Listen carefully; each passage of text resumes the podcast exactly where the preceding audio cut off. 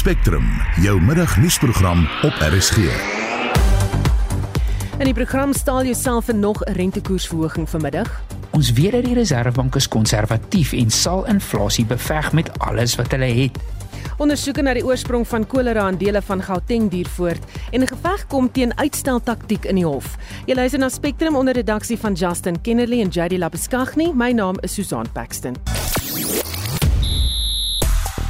'n Paar Suid-Afrikaners sal eers komende Sondag verskyning maak vir die wêreld 15 tal teen die Barbarians, maar die groot rugby trekpleister bly steeds die Verenigde Rugby Kampioenskap finaal in Kaapstad. In sokker gaan die spelers van Orlando Pirates die Nedbank beker finaal aan hul afrigter toewy en van vandag af is dit Suid-Afrika teen Wallis in 'n gimnastiek uitdagreeks. 'n Volledige bulletin volg net na 12:30. Nou Eskom vra verbruikers om nie batterystelsels te herlaai sodra die krag aankom na beurtkrag nie. Dis glo om druk op die kragnetwerk te verminder en dit het ons laat wonder wat doen jy die oomblik wat die krag weer aangaan na beerkrag. Wat doen jy? Skakel jy? Wat skakel jy aan? Wat maak jy? Lande Legrandsie het laat weet ek wag so 20, 30 minute vir die yskaste en dan die stoof word net aangesit as dit gebruik word. Gewoonlik skakel ek die televisie en ketel aan en 'n paar ligte direk na krag aankom. Sy sê die geyser is ook op 'n tydskakelaar. Laat weet vir ons wat doen jy? Wat skakel jy onmiddellik aan? Sit jy alles onmiddellik aan? Stuur 'n SMS na 45889 teen R1.50 per boodskap of uh, praat saam op die Monitor en Spectrum Facebookblad. So by kan 7 minute oor 12 jy luister na Spectrum. April maand se VPI inflasiekoers was laer as wat verwag is, wat goeie nuus is vir verbruikers, maar steeds nie daartoe gaan lei dat die Reserwebank nie rentekoersverhogings eh, instel vanmiddag nie. Die ekonom van die Noordwes Universiteit professor Waldo Kriel verwag 'n verhoging van soveel as 50 basispunte. Breedweg moet die monetêre beleidskomitee besluit of inflasie nou al begin daal en of hulle die repo koers onveranderd kan laat. As hulle dink dat daar is risiko's dat inflasie bo die teikenband kan bly, moet hulle optree en die repo verhoog. Inflasie het in Februarie en Maart maand met 0,1 persentasiepunte gestyg en nou in April met 0,3 persentasiepunte gedaal. Dit is positief en moet gesien word saam met die afname in produsentepryse in Maart maand. Ons hoor later vandag wat met April maand se PPI gebeur het. 'n Ander ligpunt is dat hoewel voedselprysinflasie steeds baie hoog is, dit met 0,1 persentasiepunte het gedaal het. Aan die negatiewe kant is daar tekens van tweede ronde prysdruk, want kerninflasie en diensteinflasie het jaar op jaar effens gestyg. Hulle maart tot april stygings was wel effens kleiner as die Februarie tot maart stygings. Die ander bekommernis is wat Mei maand se swakker rand-dollar wisselkoers aan die volgende paar maande se inflasiekoers gaan doen. By die vorige MBK vergadering was die vooruitskatting dat die rand-dollar wisselkoers oor die hele tweede kwartaal gemiddeld R18.06 sou wees. Maar vir die afgelope 2 weke het die rand nie onder R19 per dollar verhandel nie. Daar is die argument dat hoë fases van beerdkrag die werk van hoë rentekoerse doen en die ekonomie demp en daarom is verdere stygings van die repo koers nie nodig nie. Dit is egter nie so duidelik in die pryse data nie. Pleidooie om die koers onveranderd te hou om die ekonomie te help oorskat dalk die verskil wat 25 basispunte kan maak wanneer ons bo fase 4 is. Ons weet dat die Reserwebank is konservatief en sal inflasie beveg met alles wat hulle het. Hulle het ons die vorige keer verras met 50 basispunte. Ek verwag weer so een, maar sal glad nie omgee as ek verkeerd is en dis net 25 nie. Dit was die ekonom van die Noordwes Universiteit professor Waldo Kriel. Bibber weer word voorspel vir vandag, môre en die res van die naweek. Jan Vermeulen het vir Marlies Skeepers 'n vooruitsig van die naweek se weer gegee. Die winter is nou op hande en ehm um, die koue front wat tans besig is om by die Kaap in te beweeg en, en, en baie reën gee. Daar is 'n uh, paar plekke wat uh, Montana Reservoir in Kaapstad het 64 mm gegee in die, in die afgelope 10 ure. Uitverspreide reën tot versprei oor die uh, westelike, suidwestelike en suidelike dele van die land vir vandag ons sien dan nou na môre dat hierdie koufront beweeg na die die sentrale en oostelike dele van die land. En dit beweeg redelik vinnig. Ons sien dat daar nog 'n enkele buie en reën oor oor Wes-Kaapland is en dit begin opklaar daar. maar dan ook enkele baie en reën met sneeu neerslag op plekke ook uh, môre oor die berge soos by Sutherland, uh, Nieuweveldberge en die Swartberge en ook die berge in Oos-Kaapland, die sneeuberge en die winterberge by die Drakensberge, suidelike KwaZulu-Natal verwag sneeu neerslag môre. Jan, kan hierdie koue die binneland ook tref? Ja, inderdaad kan koue word oor die Vrystaat môre en ook uh, suidelike dele van Mpumalanga en en inderdaad ja, en dit is mos dan nou ook 'n groot dele van Noordwes en Noord-Kaap en bekouer word na môre toe. En dan verwag die na die naweek se kant dat die uh, koue van die heeltemal weg oos van die land en dan verwag ons ook dat die die temperatuur weer gaan verbeter. Heel wat herstel oor die suidelike, westelike, sentrale en oostelike dele van die land uh, met die koue wat nou deur beweeg en dan teen Sondag sien ons dan nou dat uh, daar is alweer 'n koue front by die land nader. Maar uh, op hierdie stadium daarmee saam is daar ook 'n boelig trog sodat ons vir Sondag net gaan vir enkele baie en donderbuie oor Wes-Kaapland met reën langs die kus. Maar oor die binneland is daar dan 'n kans en dis nou Sondag vir verspreide baie en donderbuie oor groot dele van Oos-Kaapland, die westelike en suidelike dele van die Vrystaat en die oostelike dele van Noord-Kaapland. En dit was die weervoorspeller Jan Vermeulen met 'n vooruitsig oor die komende paar dae se weer. Eskom maan verbruikers om nie wisselrigters en batterystelsels te herlaai sodra die krag aankom na beurtkrag nie. Die kragrees sê die vraag na beskikbare kragtoevoer skiet die hoogte in as almal gelyk die batterye wil herlaai. Dit destabiliseer die nasionale kragnetwerk, verhoog beurtkragfases en veroorsaak onbeplande kragonderbrekings. Ons praat nou hieroor met 'n voormalige hoof van Eskom se transmissieafdeling, Hein Vosloo. Goeiemiddag Hein. Hallo Susan. So, wat is die impak op die nasionale kragnetwerk as daar duisende wisselrigters en batterye op dieselfde tyd aangeskakel en herlaai word? Uh Susan, die um, nasionale beheer sê vir ons hulle sien tussen 1000 en 1500 megawatt wat toegevoeg word wanneer so 'n uh, wissel uh so beerdkrag uh afgeskakel word as gevolg van die wisselrigters wat inskop om die batterye te laai. Uh so dis 'n redelike 'n groot impak. Daar's natuurlik ook die ander kant van die saak is daar's duisende mense wat dan nou nie gekrag gebruik uh, gedurende die piek nie. So, maar daar is definitief 'n groot impak. Maar hierdie stelsels wat geïnstalleer word, is eintlik maar op aanbeveling van Eskom wat gesê het asseblief vind ander maniere ons het nie die krag nie. Ja, en natuurlik vir ons eie gerief ook. Uh, ons uh, sit hierdie goed in sodat ons nie in die donker moet sit in die aande nie. Hein, kan dit dus beerkragfases verlaag as verbruikers gehoor gee aan Eskom se versoek? Ja, ons kan dit regkry as ons van sonpanele gebruik maak om ons batterye te laai eerder as om die krag van die netwerk te gebruik om dit te doen. Ons moet probeer om nie ekstra las op die netwerk te plaas gedurende piektye veral nie, want jy weet ons het die oggendpiek in die ag in die agter in die aandpiek wanneer ons by die huis kom en die kinders was en al daai goeders doen.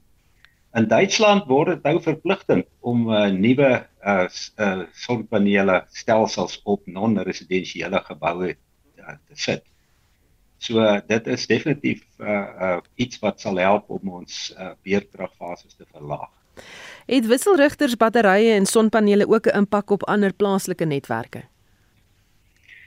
In die eerste plek is ons netwerke nie noodwendig ontwerp vir die invoer van groot hoeveelhede sonkrag Uh en natuurlik het ons twee tipes uh sonstelsels. Die een is 'n gekoppelde of grid-tied stelsel, die ander een is 'n onafhanklike stelsel.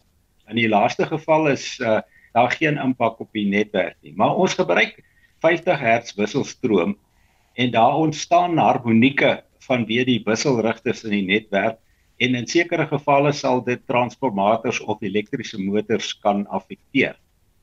Om dit te uh voorkom moet ons van filters gebruik maak op die netwerk om dit te verhoed. Hierdie is egter net 'n probleem van ouer wisselrigters wat 'n klomp geraas maak uh en veral wat daar min van hulle op 'n netwerk is. Wanneer ons genoeg op die netwerk sit, is dit egter nie 'n probleem nie. Hm. So voldoende sonpanele of batterykapasiteit kan die probleem uh, verlig, maar soos jy weet, dit kos alles geld. Ja, ek wou nou vir jou vra, jy weet wat moet ons dan nou doen want wanneer beerkrag elke dag op hoë fases toegepas word, het ons daardie krag nodig en dan gebruik ons die wisselrigters en batterye. So wat anders kan ons doen? Wel, ek dink in die eerste plek is dit belangrik om jou stelsel so te ontwerp dat daar genoeg stoorplek in jou batterye is vir jou normale gebruik en dan ook uh om jou batterye te laai en dan sonpanele wat genoeg is om daai krag uh te verskaf gedurende die uh jy weet gedurende die dag. Uh mense wonder natuurlik ook uh wat uh doen Eskom met sy eie batterybanke wanneer laai hulle dit en, en so maar dis nou 'n 'n storie vir 'n vir 'n ander dag. So jy kan ook jou wisselrigter en jou batterye so stel om nie direk na die beerkragfase uh, in die aand spesifiek met netwerkkrag te laai nie, maar dit buite piektye te doen. Hm. Die moeilikheid is natuurlik die arme mense. Ek en jy kan dit dalk bekostig uh om vir ons hierdie stelsels in te sit, uh maar hulle kan nie. Maar soos ek sê, ek dink die die ontwerp van die stelsel dagelang van jou normale gebruik is 'n is 'n belangrike ding om na te kyk. En laat 'n kundige ou dit vir jou ontwerp. Baie dankie. Ons gepraat met 'n voormalige hoof van Eskom se transmissie afdeling, Hein Vosloo. Die nasionale vervolgingsgesag sê hy het geen ander keuse as om 'n teenvoeter te vind vir die sogenaamde Stalingrad taktiek wat in die hof gebruik word om sake eindeloos uit te rek nie. Die hoof van die MVG, advokaat Shamila Batoyi, sê dit is veral in hoë profiel sake wat die taktiek gebruik word. Ons praat nou met die regskenne verbonde aan Universiteit Pretoria, Dr. Louwelen Kloos. Goeiemôre Louwelen. Goeiemôre Susan. Kom ons kyk net weer in kort hoe werk hierdie Stalingrad taktiek. Wel in kort, dit beteken net dood eenvoudig uh die een van die twee litigante voor die hof en is gewoonlik maar die verdediging, veral in strafsaake, is geneig om alles in hulle vermoë te doen om die proses te vertraag, met ander woorde om die proses uit te rek en te kyk of hulle kan speel vir tyd in die hoop dat die saak net sy miskien sal verdwyn in die toekoms of daar iets sal gebeur met die getuies wat sal veroorsaak dat uiteindelik uh die persoon miskien uh onskuldig bevind word nie weens die gebrek aan getuienis nie maar doeteenvoudig weens tydverloop. Dit is maar in kort wat die Stalingrad tegniek beteken. Hm. Hoe groot is hierdie probleem tans? Dis 'n groot probleem. Ek verskil bietjie van Shamila Betoy as sy argumenteer dat dit net in hoë profiel sake die geval is. Uh ons sien dit elke dag in ons howe. Ons sien dit uh menigmal ook in ons laerhowe waar 90% en meer van alle strafsaake natuurlik hanteer word. Ek praat nou hier van die distrikshowe en die streekshowe. So dis nie 'n dis nie 'n onbekende 'n ding in Suid-Afrika nie, dis nie 'n onbekende ding in ons howe nie en dit is 'n probleem. So ek stem 100% met haar saam, dis hoogtyd dat daar iets gedoen word om hierdie hierdie probleem aan te spreek. En uh maar my uh, argument is en ek sou graag dit by haar wil gehoor het, wat presies sien sy in die vooruitsig as die oplossing vir die probleem? Want Uh in Suid-Afrika het ons artikel 342 groot A van die strafproseswet wat natuurlik uh uitsluitlik daar is om te verseker dat die howe en by by by howe bedoel ek die die die regsprekende amptenare, die regters of die landdroste, uh, ondersoek kan gelas die enige tyd gedurende die verrigtinge om te bepaal watter party was verantwoordelik vir die vertraging en kan dan natuurlik 'n gepaste bevel maak om daardie probleem aan te spreek. Uh wat meer sy voorstel die howe doen, weet ek nie, want dit sou beteken waarskynlik dat daar een of ander uh vorm van 'n wysiging in die strafproseswet moet plaasvind en daar is nou die beste vir my wete nie so uh konsepwetgewing op hierdie stadium ter hande nie. Baie dankie. Dit was die regskenner verbonde aan Universiteit Pretoria, Louwelen Kerloos. Nou ja, ek sien 'n klomp mense wat steeds saamgesels oor uh hierdie krag en wanneer jy jou toestelle aanskakel na beurtkrag. Luisteraar uh, wat sê Cornelia en dis nogals ernstig. Ek skakel my suurstofmasjien aan. Soos baie mense wat afhanklik is daarvan. En uh dan is daar nog iemand wat sê uh, solank as wat ek beskikbaarheid het in of die fooi betaal, dan skakel ek alles aan wat krag nodig het as beurtkrag verby is. Uh sal dit ook aanhou. En nog 'n luisteraar wat sê nee wat uh, ons kan nie sonpanele bekostig nie. Jy kan steeds saamgesels op die SMS lyn en ook vir ons 'n boodskap stuur op Monitor en Spectrum se Facebookblad. In ander nuus, die minister van Hoër Onderwys, Dr. Blyden Simbande, het tydens sy begrotingsrede aangekondig dat Suid-Afrika twee nuwe universiteite sal kry en nege gemeenskapkolleges.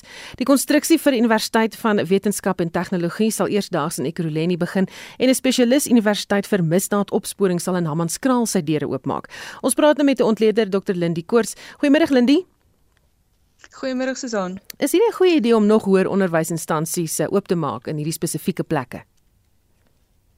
Ja, ek ek sou sê ons universiteite is eintlik oorvol as 'n mens kyk hoe dit deesdae daar gaan. Ons het werklik eintlik nog uh opleiding, nog universiteite in ons land nodig.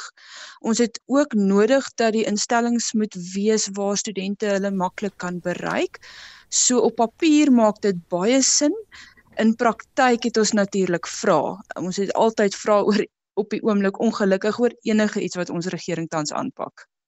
So nou daar gesels, maar wat van die TVET colleges? Dis 'n projek wat nie gewerk het nie, maar wat selfs uh, nou kon gehelp het met dit. Wat daarvan?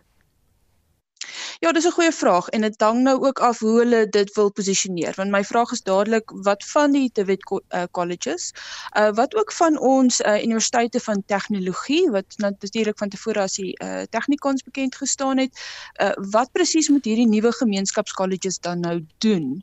Uh, wat bring hulle wat dan nou anders is? Dit lyk of hulle dan nou meer daarop gemik is om volwassenes uh, te help oplei later in hulle lewens maar dit is nie vir my duidelik nie en die vraag is moet ons dan nou nog 'n laag byvoeg terwyl ons dalk ander dele van ons onderwyssektor eintlik eerder moet regryk. Dit is 'n geldige vraag. Die twee universiteite, dis ook nie so duidelik nie uh dit lyk nie of hulle as universiteite van tegnologie gevestig gaan word nie maar as volwaardige spesialis universiteite. Goed, uh ons het weer eens daardie vaardighede nodig. Ons het nog fasiliteite nodig vir ons studente, weer eens op die regte plekke, maar moet dit heeltemal onafhanklik geskied? Kan dit nie as satellietkampusse van ons gevestigde universiteite funksioneer nie? Uh mense sou altyd sê ons het tog goeie universiteite in hierdie land met 'n bewese rekord van goeie bestuur sal ons dit nie eerder dan onder so 'n universiteit se bestuur wil sien as om heeltemal van die grond af op te bou nie. Hm. Wat van byvoorbeeld die Solplaatjies Universiteit in Kimberley uh, wat onlangs se deure oopgemaak het? Hoe vaar hy? So dit is dan nou die ander kant van die munt, want Solplaatjie is in 2014 oopgemaak en sover gaan dit goed daarso. Dit is 'n goeie universiteit. Ek het goeie kollegas wat daarso werksaam is. Hy is natuurlik nog baie klein in vergelyking met die ander universiteite, maar dit is 'n voorbeeld van waar dit wel werk en waar dit belangrik is dat daar so 'n instansie in die Noord-Kaap beskikbaar is. So daar is argumente daarvoor. Daar is tog wel 'n instelling wat vir ons wys dit kan gebeur.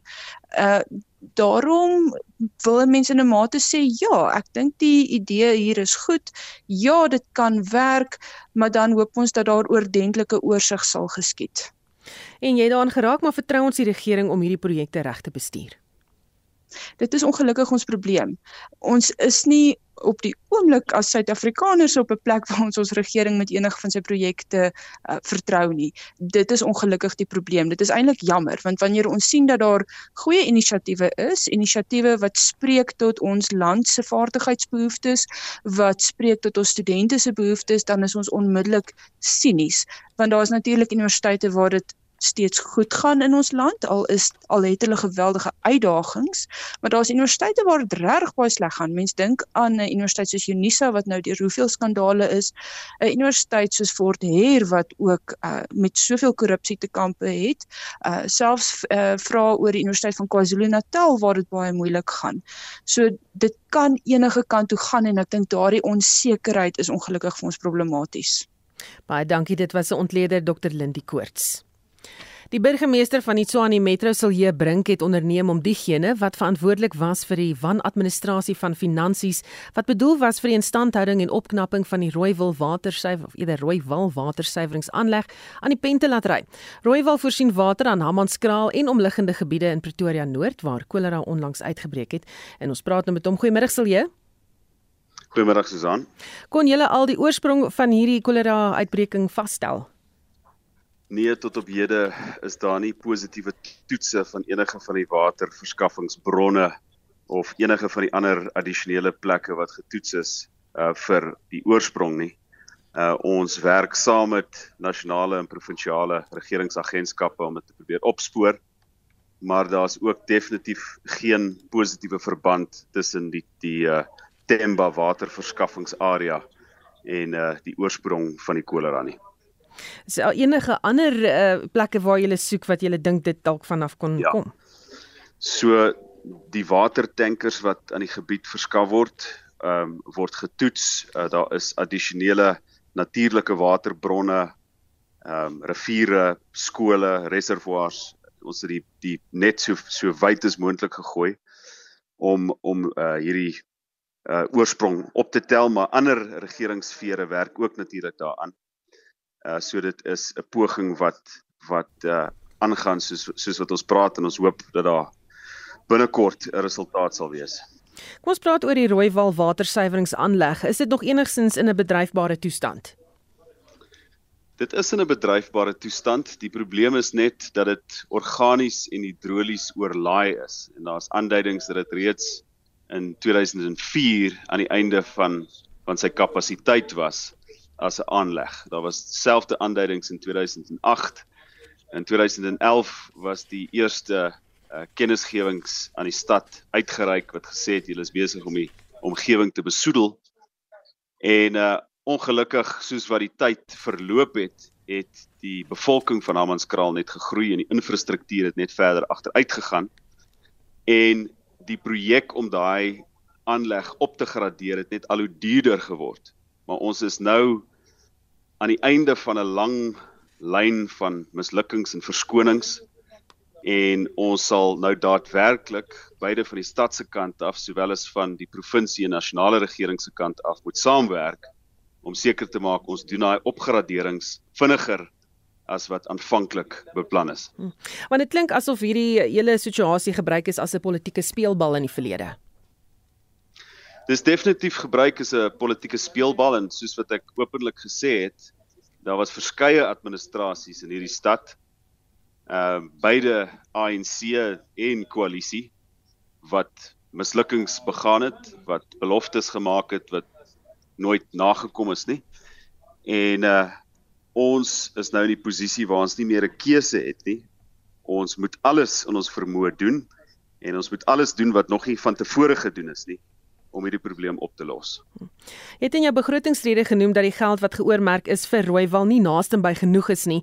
Kon julle al die privaat nee. sektor nader om hulp of dalk selfs organisasies soos Gift of the Givers So ek ontmoet Vrydag, dis môre, met die minister van waterwese om verskeie opsies te bespreek. Die munisipale bestuurder het hierdie week met die Ontwikkelingsbank van Suider-Afrika ontmoet om ook uh finansieringsbronne wat hulle tot ons beskikking kan plaas te bespreek. Uh ons sal heel moontlik ook na die privaat sektor toe gaan. Maar dis duidelik dat die 450 miljoen rand wat ons nou begroot het oor die volgende 3 finansiële jare nie naaste by genoeg is om daai aanleg op te gradeer nie. Die tweede fase van die opgradering gaan 2.5 biljoen rand kos wat die hele kapitaalbegroting van die stad in enige finansiële jaar is. Ons het gewoon nie daai hulpbronne nie. Ons moet eksterne finansiering kry, ons moet vennootskappe smee. Ek dink in die verlede is daar nie 'n uh, erns gegee aan die moontlikhede nie. Daar's nie uh, uit die boks gedink om dit so te stel nie. Maar nou moet ons dit doen. Hm. Baie dankie. Dit was die burgemeester van die Tshwane Metro, Silje Brink. Spectrum, jou middagnuusprogram op RSG. Florida se gouverneur Ron DeSantis gaan as kandidaat vir die Republikeine in die komende presidentsverkiesing staan. 'n Ontlede vertel binnekort meer oor wat sy kanse is of sal Joe Biden herverkies word. Bly ingeskakel. Daar is geen verkeer. Weskaap Kaapstad in Kaapstad by Waterkantweg en EW de Klerk Boulevard is die pad oorstroom.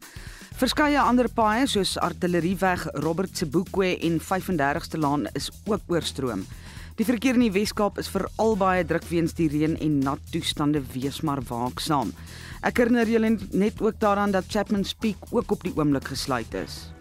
KwaZulu-Natal, daar is 'n obstruksie op die N2 Suid net na Koningin Nandi Rylaan. 3 bane word versper, verwag ewige vertragings. Daar is ook padwerk op die N2 Suid net na die Mklanga afrit. Die pad is vanaf 12:00 vanmiddag gesluit en sal weer om 3:00 oopgestel word. Gauteng op die N1 Suid net voor William Nicol staan 'n voertuig met 'n sleepwa wat die middelste baan versper. En op die R21 suid net na Voortrekkerweg staan 'n vragmotor wat ook een van die middelste bane versper. Ek is Marlies Skeepers en dit was die middagverkeersverslag op Spectrum.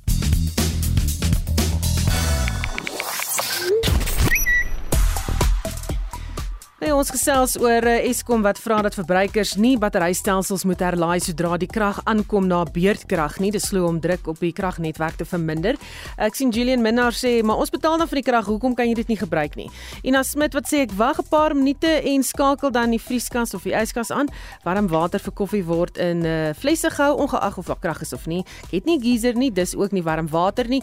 Kyk net televisie in die aand met 'n inverter aangesien ons krag omtrent elke aand dieselfde tyd af is. Eskom is aan en of die operateur slaap wel soms en dan word ons krag nie volgens skedule af of aangesit nie. Uh en dan sê Jolandi Lombard en ek dink dis min of meer wat ons almal doen. Ons doen eers 'n happy dance sodra daai krag aankom. Jy kan steeds saamgesels as jy wil, stuur 'n SMS of praat saam op die Monitor en Spectrum Facebookblad. Ons kollega Oudo Karel se sluit nou by ons aan vir die jongste sportnuus. Goeiemiddag Oudo. Middag Susan. En ons begin met rugby want die Verenigde Rugby Kampioenskap finaal is nie die naweek se enigste trekpleister nie. Ja kyk, uh, slegs U2 se konsert op Kaapstad Stadion in 2011 het meer kaartjieverkope verseker vir die stadion as die 55000 mense wat hulle plekke Saterdag sal inneem vir die Stormers teen Munster in die finale kragmeting. So hy is beslis die grootste trekluister, maar 'n paar Suid-Afrikaners sal ook verskyning maak Sondagmiddag op Twickenham wanneer wêreld 15 taal teen die Barbarians sal speel en dit is nou in die Tillik beker soos hulle hom noem. Die boelspeler Spoonkosi het die geleentheid om ons bokkeerders bietjie te laat uh, opsit en kyk. Hy draf uit op linkerveel uh vir die wêreld 15 taal. Die Suid-Afrikaanse gebore Stit Ali Kebble is ook die in die voorry ingesluit. Op die kant van die Barbarians is die oud Shark slot en tans Harlequin speler uh Stefan Lewies in die nommer 5 dry. Skrimskakel man wat ons lanklaas gesien het François Hougaard uh, wat deesdae vir Saracens speel en uh die Sharks Stit Carlos Sadi. Uh, hulle speel van Eddie Jones se plaasvervangersbank af. Steve Hansen is die man wat die wêreld 15 taal sal afrig. Dan na sokker toe en daar heers groot opgewondenheid oor die DStv Premier Liga se laaste groot finaal van die seisoen. Absoluut en Orlando Pirates speel die naweek teen Sekhukhune United. Uh die wedstryd is op Loftus uh, in dit begin Saterdag 6:00 die aand, maar met die aanloop tot die wedstryd het die spelers van die Buccaneers stem gegee aan die siening van die ondersteuners van die klub Hulle gaan Saterdag uh, se wedstryd toewy aan die afrigter Jose Rivero wat seker gemaak het dat die klub ten minste tweede eindig in die DStv Premier Liga en sodoende weer in die Afrika Kampioenligga gaan speel. Uh Saterdag bied ook 'n kans vir 'n tweede trofee na die Seerowers die MTN8 beker ook hierdie seisoen uh ingepalle met. Jammer, In die Engelse Premier Liga speel Manchester United vanaand teen Chelsea. United het nog kans om die seisoen in derde posisie te eindig, terwyl Chelsea se rampspoedige seisoen ten beste tot 'n 11de plek kan lei. En dan in cricketnuus van die IPL sal die Mumbai Indians môre middag, dis nou 4 uur, teen die Gujarat Titans te staan kom in uh, 'n kwalifiserende wedstryd om te besluit wie Sondag teen die Chennai Super Kings van die IPL titel uh of teen uh die IPL vir die IPL titel sal speel. Mumbai het gister sy elimineerder teen die Super Giants met 81 lopies gewen. Hmm. Maar ek is nou nie seker watter uh, nuus jou meeste ontstel het nie die sokker of die cricket nuus nie. Miskien kan jy 'n sluk water vat voor jy met ons gesels oor daardie gimnastiek nuus. Ja, krag is aan, water is af, so dit gaan bietjie moeilik wees, maar uh, uh, kyk, dis korrek van, van vandag af tot en met Saterdag spook Suid-Afrika dit uit teen Wallis in 'n artistieke gimnastiek uitdagreeks. Die span kompetisie begin vandag met die apparaatfinale wat môre plaasvind en die reeks speel af in die uh, Hartveld Arena in Tshwane. Dis nou vanaf 8:00 in die oggend, so maak gerus 'n draai daar om ons atlete te ondersteun. Baie dankie, dit was Udo Karelse van ons sportredaksie.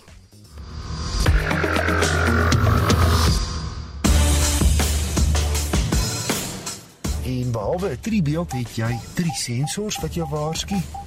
Daar is ook sensors voor. Ander veiligheidskenmerke sluit in 'n laan verlaat as ook blindekol waarskuwing.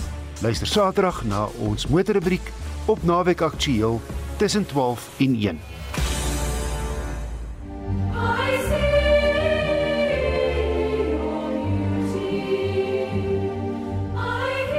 Adelaide Cole Jenkins uh, The Peacemakers. Dis een van die werke in musiekbonbons van 25 Mei op RSG. Daar's ook 'n lied van Roger Quilter en 'n beweging uit 'n horingkonsert van Danzi. Musiekbonbons op 25 Mei om 20:09 die aand net hier op RSG.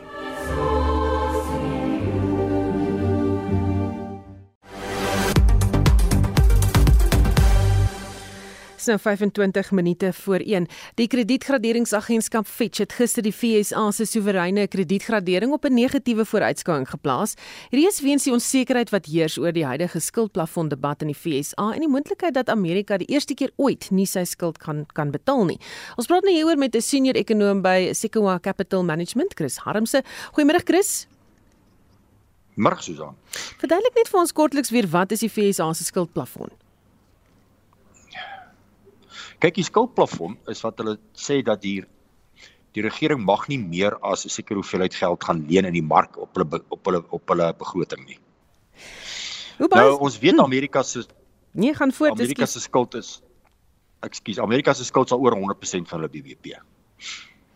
Uh, hoe baie Ons is skade? net by Ja, 80%. ons by 80. Sê vir my hoe baie skade word aan uh, die uh, jy weet of hoe hoe groot is die skade daar of wat gebeur? Hoekom is daar hierdie afgradering of hierdie uh, kredietgradering se se hulle kyk nou wat daar aangaan? Ja, want kyk wat nou gaan gebeur, nê. Met ander woorde, ons kom nou ons kom nou aan die einde van die maand wat oor logies oor 'n paar dae is. En nou kan Amerika byvoorbeeld nie van sy staatsamptenare betaal nie. Hy het nie geld daarvoor nie. Want hy sy totale sy totale uitgawes is meer as as as sy inkomste. So dan gaan leen hy mos in die mark. Suid-Afrika doen dieselfde. Ons leen hierdie jaar 'n hele paar biljoen intedeel 'n hele paar triljoen en ons het ons tekort het ons verhoog nou van ek dink 78 tot 81% of so iets. Amerika met hulle begroting sit 'n plafon daarop. En as jy nou as jy nou as jy nou tekort raak, het jy nie meer genoeg geld nie. Dan moet jy gaan aansoek doen by die federaal by die senaat as wel as by die huis van verteenwoordigers en dan vra jy dat kan jy jou skuld verhoog en dan moet hulle toestemming gee. Nou, hulle het nie daai toestemming gekry nie. Met ander woorde fisies volgende week gaan Amerika nie van hulle rekenings kan betaal nie. Die regering gaan nie van hulle rekenings kan betaal nie. Dis 'n gewone huishouding. Hy kan nie meer maandelikse rekenings betaal nie. Wat gaan gebeur? Hulle gaan jou aanskroef. Hulle gaan vir jou op jou kredietkaart en op jou huis ensovoorts gaan hulle vir jou 'n hulle gaan jou uh, aangee by die krediet by die krediet by die kredietraad. Jy gaan geswartlys word, né? So Amerika word nou geswartlys. Dis nou die gewone leuke taal, né? Hy word nou Ja. geswartlys deur hierdie akkrediteringsagentskappe as iemand wat nie sy skuld kan betaal nie. Hm. Nou nou, nou die effek wat dit Chris, is jy nog daar? veroorsaak dat uh, hallo, kan jy my hoor? Daar sê, wat is die wat is die impak daarvan? Ja.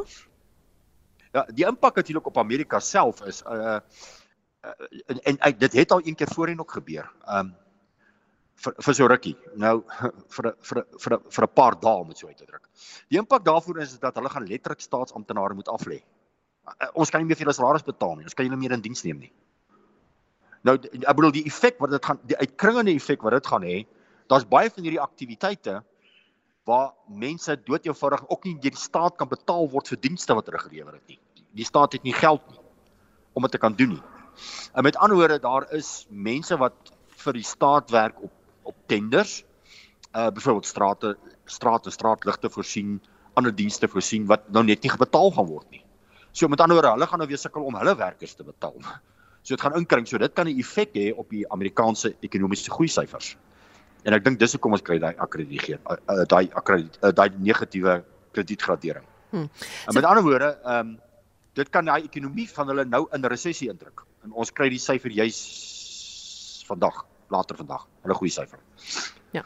Sê vir my Chris, wat is die impak wat dit op Suid-Afrika kan hê? Ek sien ek sien nou rond ouens reken uh die rand het verswak as gevolg daarvan. Ehm um, ek dink nie so nie. Ek inteendeel, ek het gedink dit kan die dollar verswak. Uh en dit kan natuurlik goed soos die goudprys laat sterk styg. Omdat mense gaan nou 'n veilige hawe soek, né? Ek het nog nie daai tekens gesien nie, maar ek dink as dit wel gaan gebeur. As dit wel gaan gebeur volgende week, is dit presies. Dit behoort die rand te verstewig want dit behoort die dollar redelik te laat verswak en dit behoort uh, definitief 'n effek op op op die op die goudprys te hê, die goudprys natuurlik te uh op te stoot boontoe om dit te verhoog. Maar die ding is dit het nog nie gebeur nie. Daar's nog net sprake, jy weet. Nou onthou, hierdie is nou in in uh, onder mekaar se bekleierery tussen die Republikeine en tussen die ehm um, Demokrate. Dis amper wat nou gebeur het in in in in, in Tshwane.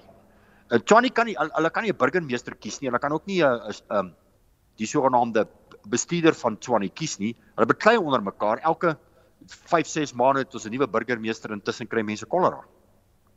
Die effek daarvan. Jy weet, so so hierdie kan hierdie kan vir Amerika skade berokken. Ehm um, en ek weet nie of dit ja ten ten voordeel gaan wees as hulle dit gaan toelaat nie dat dit gebeur nie. Net vir politieke uh, wenpunte nou voor ons begin met die nuwe uh, verkiesingsveldtogte nie. Baie dankie om te praat met 'n senior ekonom by Sequoia Capital Management, Dr. Chris Harmse. Ons bly in die FSA, die goewerneur van die Amerikaanse deelstaat Florida, het sy presidentsiële verkiesingsveld tog vir die Republikeine van stapel gestuur. Ron DeSantis is die voormalige president Donald Trump se grootste teenstander. Ons praat nou hieroor met die dosent in praktyk aan die Universiteit van Johannesburg, professor Theo Venter. Goeiemôre Theo. Goeiemôre. So die skuldplafon krisis gebeur onder die wakende oog van president Joe Biden. Kan dit moontlik sy kansse vir 'n herverkiesing beïnvloed?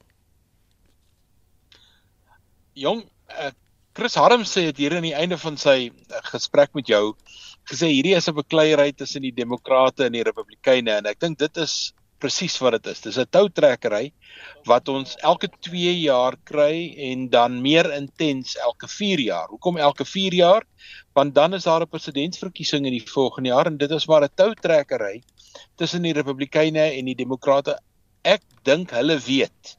Hulle gaan dit moet oplos voor die D-dag aanbreek. En die markte is bekommerd en sineweagtig dat hulle dit nie betyds gaan doen nie. Die vorige keer wat dit wat dit so lank gesloer het was toe Donald Trump betrokke was en hy wou aan 'n demokraties beheerde huis van verteenwoordigers wys wie's baas.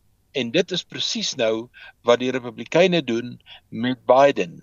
Uiteindelik gaan albei partye daaronder lê en uiteindelik weet albei partye Hulle moet 'n oplossing kry. Die vraag is uh die Engelse woord daarvoor is horse trading.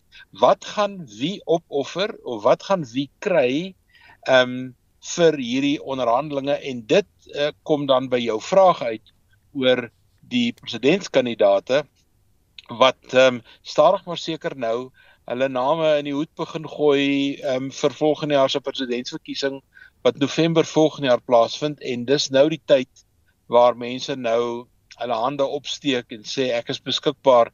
Volgens my telling is daar nou al 10 ehm um, kandidate, 3 demokrate en omtrent 7 republikeine wat reeds gesê het hulle stel belang daarin om aan volgende jaar se presidentsverkiesing deel te neem.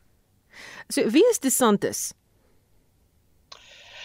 DeSantis is 'n interessante uh man. Hy ehm um, het 'n weermagloopbaan gehad. Daarna het hy ehm um, uh in die in die ehm um, gedien as 'n lid van die huis van verteenwoordigers waar hy deel was van die regtervleuel van die huis van verteenwoordigers. Baie naby aan die sogenaamde Tea Party van destyds en toe het hy uit daardie posisie uit homself verkiesbaar gestel as goewerneur van Florida en hy bestuur die Florida met 'n redelike met redelike goeie gevolg jy sal hom onthou uit die uit die COVID dae. Hy was een van die eerste goewerneurs wat uh, haarkappers toegelaat het en masseursalonne toegelaat het om weer te funksioneer toe die beperkings in Amerika nog baie streng was. So hy is 'n hy's 'n hy's 'n sterk uitgesproke republikein aan die konservatiewe kant wat hom eintlik baie naby aan Donald Trump maak, maar Donald Trump en hy het so klein bietjie al bekgevegte gehad in die laaste paar maande. Dit klink nie asof hulle meer so goeie vriende is nie, maar hulle gaan vir mekaar definitief opponeer in volgende jaar se voorverkiesings want dis belangrik vir luisteraars om te weet die name wat nou ehm um, ehm um, gelys gaan word en dan gaan nog 'n paar name bykom. Hulle gaan nou in 'n proses in van voorverkiesings. Met ander woorde, hulle moet nou hulle kandidaatskappe teen mekaar opweeg die demokrate onder mekaar, die republikeine onder mekaar. Uit hierdie voorverkiesingsveld tog tree daar dan een of twee sterk kandidaate na vore. Ons is nog nie daar waar ons dit kan sê nie. As 'n mens kyk na die meningsopnames oor die laaste maand of twee, is Donald Trump by verre die voorloper onder die republikeine. DeSantis lê hier so 'n derde, maar dis nog baie vroeg om te sê presies wat sy kanse is. Goed, baie dankie. Ons gepraat met professor Theo Venter, dosent in praktyk aan die Universiteit van Johannesburg. Die parlement se staande komitee oor openbare rekeninge sal ses ander rolspelers nader om die feite oor die ander de Ruyter sage te probeer kry voordat daar besluit word of 'n volledige ondersoek nodig is. Die voormalige Eskom hoof het in 'n TV-onderhoud verdoemende beweringe gemaak oor wydverspreide korrupsie, bedrog, sabotasie en selfs kriminele kartelle by die kragvoorsiener. Celine Merrington berig. Skoor het reeds verskeie rolspelers ondervra oor de Ruyter se aantuigings. Die komitee moet al die inligting oorweeg en dan besluit of 'n ondersoek geloods moet word om die feite agter die beweringe van bedrog, korrupsie, sabotasie en kriminele kartelle te ontbloot. 'n Lid van die DA, Benedicta van Minnen, sê dis duidelik dat daar baie beweringe is, maar min klarigheid. Really what what we're seeing is very contradictory. Then people get caught out, then they suddenly remember, then they deny. it's a very muddled and in a way very anecdotal situation that we're sitting with. But I do think that whatever we come up with in this meeting, there needs to be very firm recommendations, and that that should include widening the scope of this into a proper investigation. Well, this is a proper investigation, but I mean a, a proper formal parliamentary investigation, so that we can really get to the bottom of all these contradictory comments and try to find the strand of what is actually going on. Ander LPs soos die ANC se Sakumi Somyo het saamgestem nog rolspelers moet voor die komitee verskyn. So I think there's still a number of people that we have to give them an opportunity and to interview uh, in as far as the whole uh, saga is concerned. It might be premature so far to say this is the route that we must probably take. 'n Lid van die EFF, Veronica Mente, sê behalwe om nog inligting te bekom, moet die komitee ook geadviseer word oor moontlike strafregtelike klagte teen De Ruyter. During his submission, he says to us, he will be comfortable answering in the court of law. How are we initiating that platform from our side for De Ruyter to go and answer in the court of law? Because right now he is not prepared to give us names. And I think legal of parliament could guide us in this, that we must do something. We have to open a case against the right. Then he will be able to tell us in court who are the people that are involved in destroying Eskom.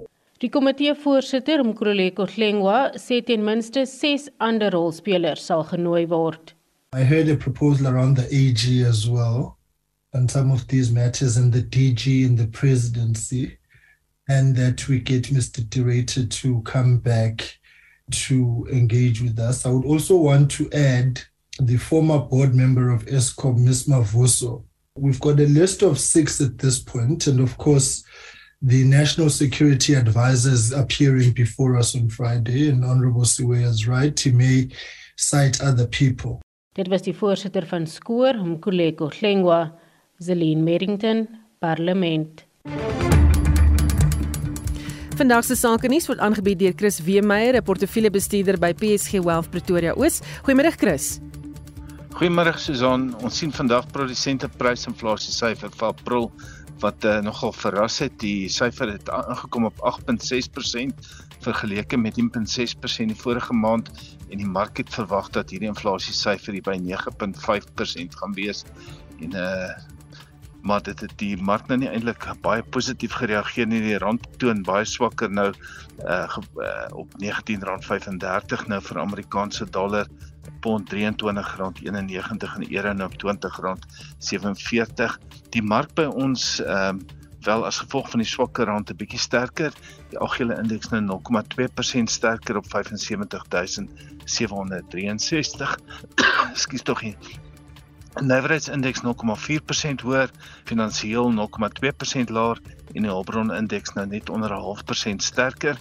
En as mens net na die maatskappye gaan kyk wat vandag die oog gevang het, ons het vandag vroeër vandag Life Healthcare het met hulle resultate uitgekom en hulle het wel hulle dividend met 13.3% verhoog, maar hulle netto wins het uh, gedaal met 8.2% na 625 miljoen rand toe vir die 6 maande tot einde Maart. En Life se prys tans 5.3% laer op R19.88 en dan die kleinhandelaar, die meubelkleinhandelaar Uh Lewis het ook met resultate uitgekom, uh, omset verhoog met 3% na 7.5 miljard rand toe. En uh hulle sê dividend behou op 4.13 maar uh, die algehele wins het maar gedaal met 15.7% na 407 miljoen rand toe. Uh ehm uh, Lewis se prys tans 1,8% sterker op R40. Nou uh, van die ander maatskappye op die beurs wat die oog vang vandag, Anglo American 1,8% hoër op R551, Glencore 1,8% sterker op R101.4 en dan uh, van die miners uh, AngloGold Ashanti 0,9% hoër op 465.21 BHP uh 0,7% sterker en ons ons combine oor op vandag so 0,1% hoër en dan van die verloders vandag Tongela Resources uh 3,2% laer, Impala Platinum 2,2% laer en Exxaro tans 2% laer by die finansiële maatskappye van die aandele wat uh, positief vertoon daar. Sien ons maar Coronation Fund Manager se persent sterker en 91 Limited die ander bate groot batebestuurder 0,9% sterker en dan uh, van die swaargewig maatskappye sien ons net Richmond 1,8% hoër op R3125 'n aandeel. Hulle het 'n redelik uh, pak slag gekry die laaste tyd uh, veral Louis Vuitton se ewig nie in Europa baie swaar gekry die afgelope week.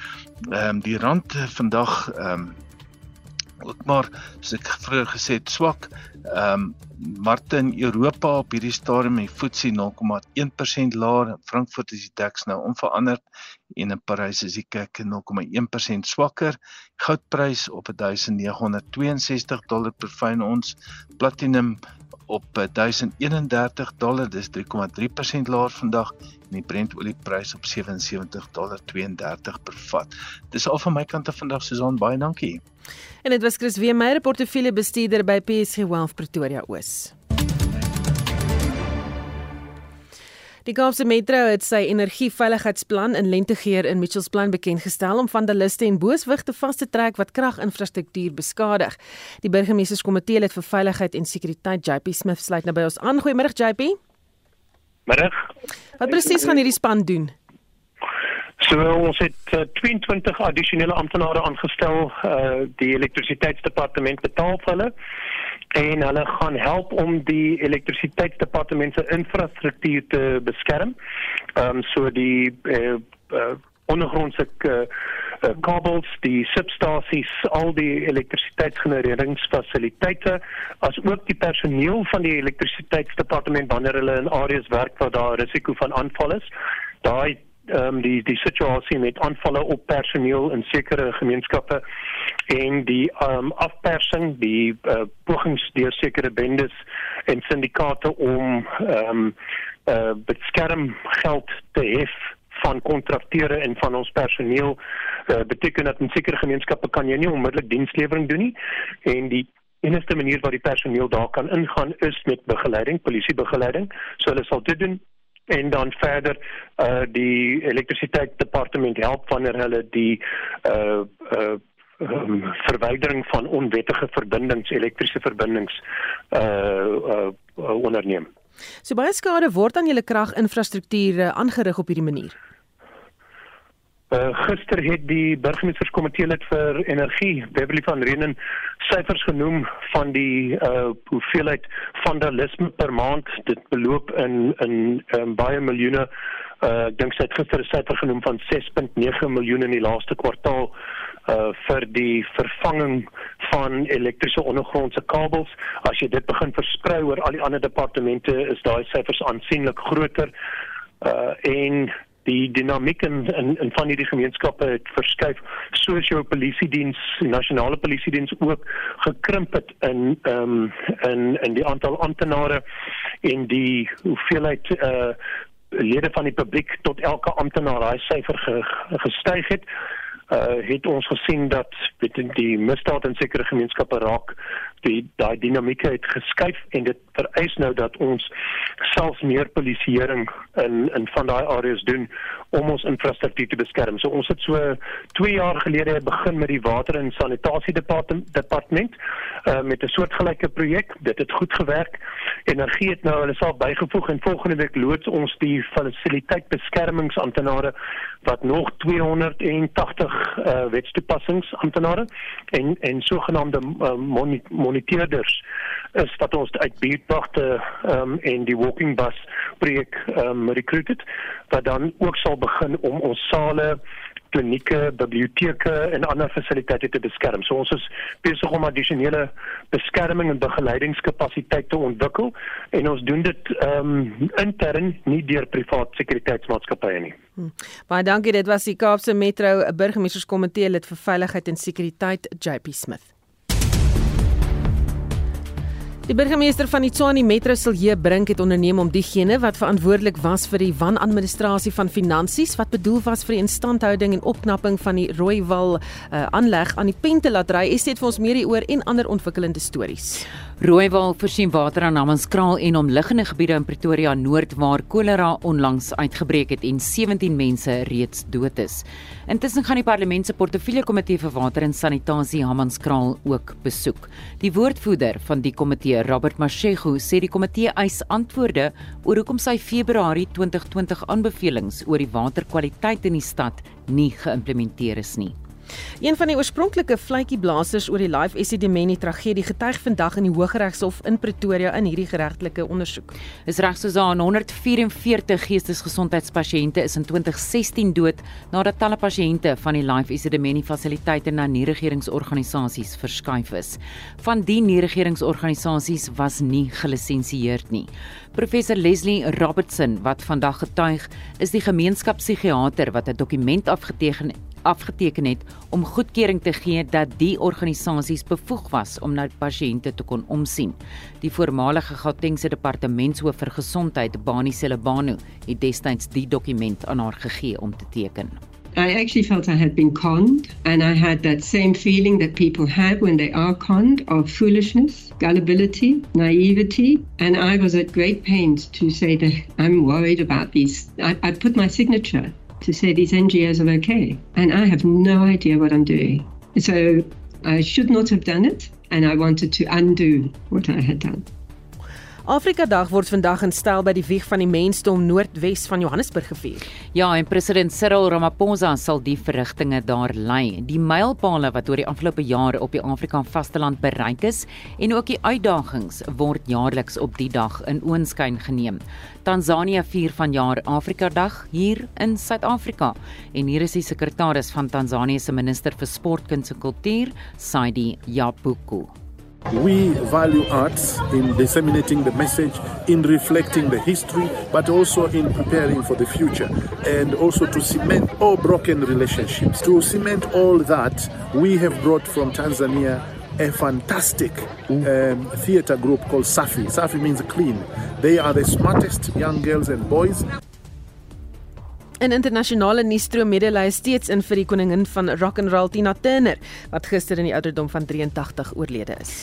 Turner het in die 1960 saam met haar man Ike bekendheid verwerf met liedjies soos River Deep, Mountain High en Proud Mary en het as solo kunstenaar in die 1980s 'n superster geword met liedjies soos The Best en What's Love Got to Do with It.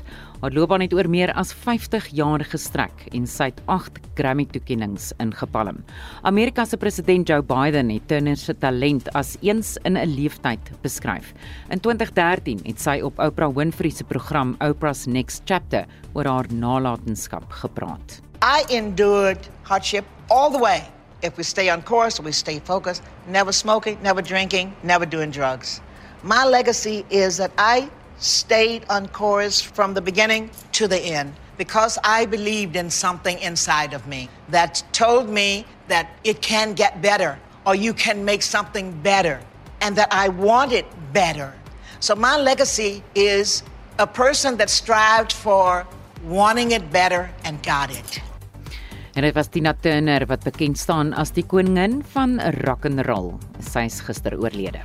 En dit was Estie met 'n oorsig van vandag se nuus en ontwikkelende stories.